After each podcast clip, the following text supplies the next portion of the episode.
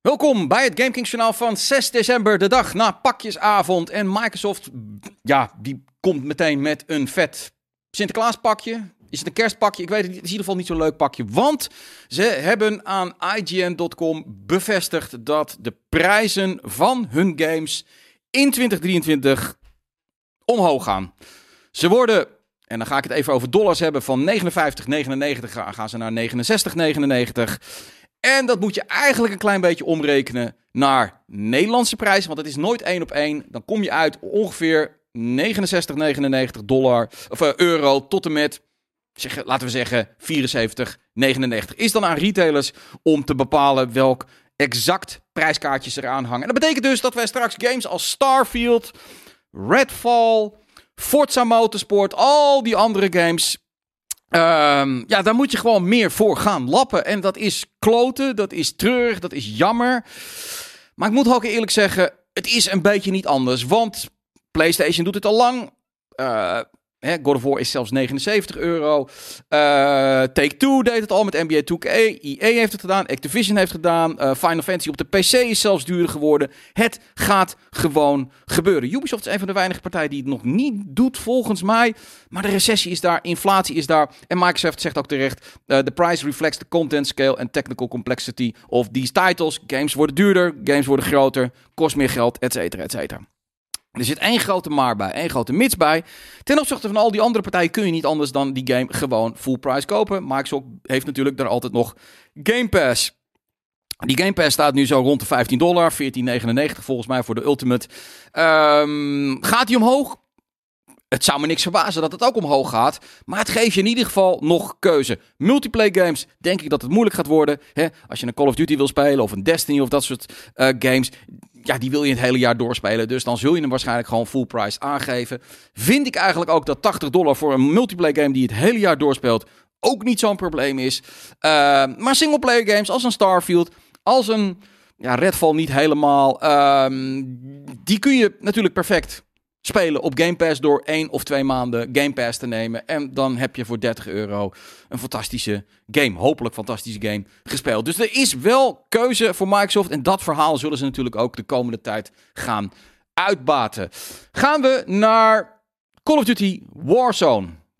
Warzone 2 natuurlijk. De game die uh, heel veel mensen op dit moment aan het spelen zijn. Uh, als ik tenminste op Twitch kijk. En um, er is een heel populair eiland in Warzone.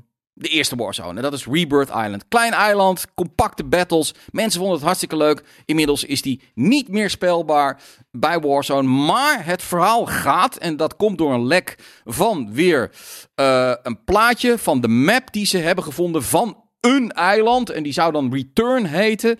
Uh, dat plaatje kan ik je helaas niet laten zien. Ik kan het wel, maar ik doe het niet omdat Activision er alles aan doet om dat weer uh, uh, van het internet te krijgen. Nou, als ze iets van het internet aan het krijgen zijn, dat betekent ook waarschijnlijk dat er gewoon waarheid in zit. Dat dus Rebirth Island terug gaat komen in Warzone 2. En dat het al best wel vrij snel gaat zijn, waarschijnlijk al begin 2023.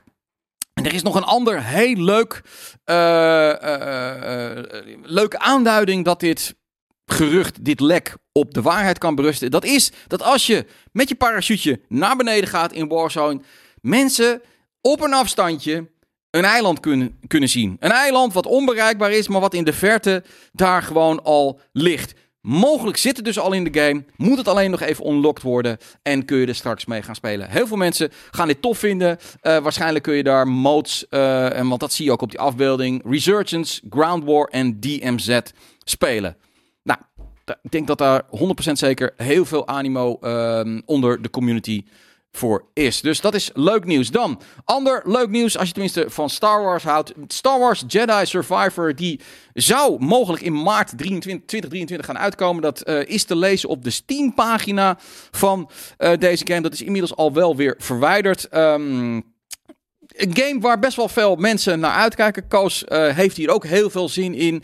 En we weten ook al dat tijdens de aanstaande Game Awards deze game um, dat van deze game meer gameplay getoond gaat worden. Dat is een goed, uh, dat is een goed iets. Iets waar je naar uit kunt kijken.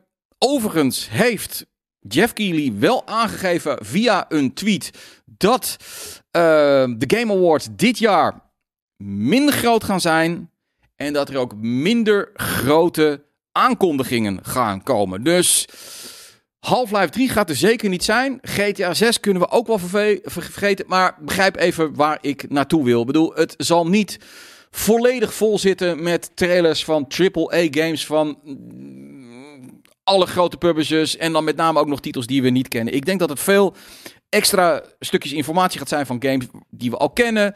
Ehm, die ook naar een release toe gaan, et cetera, et cetera. Bijvoorbeeld een van de geruchten is dat Baldur's Gate, uh, de makers van Baldur's Gate, met iets nieuws gaan komen. Star Wars Jedi Survivors ehm, is dus mogelijk aanwezig. En we weten dat Hideo Kojima, de grote vriend van Jeff Keighley, is in Los Angeles op het moment dat de Game Awards gaan plaatsvinden. En je weet het, Kojima vindt het altijd leuk om bij Jeff Keighley wat te droppen. Het zou best wel kunnen zijn dat hij daar ja, weer zo'n hele suggestieve, vragen, vreemde trailer laat zien van zijn nieuwe project. 9 december is het dus, dat is al vrij snel. 1 uur 30 s'nachts moet je dus wel even het wekkertje zetten of heel lang opblijven. Uh, we gaan het er natuurlijk uitgebreid over hebben in de einde van de week live die we op vrijdag gaan uitzenden. Kojima, Hoppakee, maak ik een bruggetje, hou ik van. Gaan we naar de Metal Gear Solid Remake. Dat is zo'n verhaal. Gaat het nou wel gebeuren? Gaat het nou niet gebeuren? Ehm, dit zou mogelijk dus eens een keer wel kunnen gaan gebeuren. Ehm, er is namelijk, of er zijn een aantal mensen die anoniem willen blijven, die hebben aangegeven dat deze Metal Gear Solid uh, remake wel degelijk in ontwikkeling is. En dat uh, deze exclusief voor de PlayStation 5 wordt gemaakt. Ja, het zou best kunnen. Ik bedoel, Metal Gear Solid heeft altijd een hele goede band met de PlayStation gehad. Uh, we weten, ondanks dat PlayStation heel erg tegen exclusiviteit is van alles wat van Activision, Blizzard en Bethesda is, dat ze zelf wel degelijk ook dit soort dingen doen. I'm fine with it, weet je wel. Ik bedoel, dit is waarom je consoles uh, koopt. Je koopt ze ook voor de exclusieve dingen de ene keer win je daar wat, de andere keer win je daar wat. Dus uh, Metal Gear Solid, fantastische game. Heeft wel degelijk een remake nodig. En dan denk ik gewoon dat we een prachtig product kunnen gaan krijgen. Als het gerucht tenminste waar is.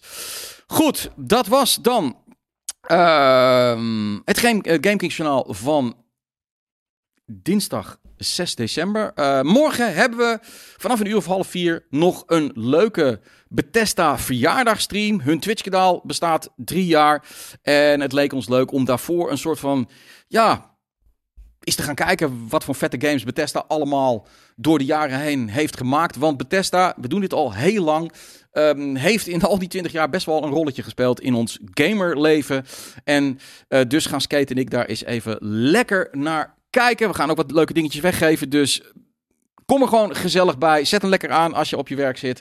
Gaat leuk worden. En aanstaande donderdag hebben we weer een nieuwe editie van het GameKings Journaal.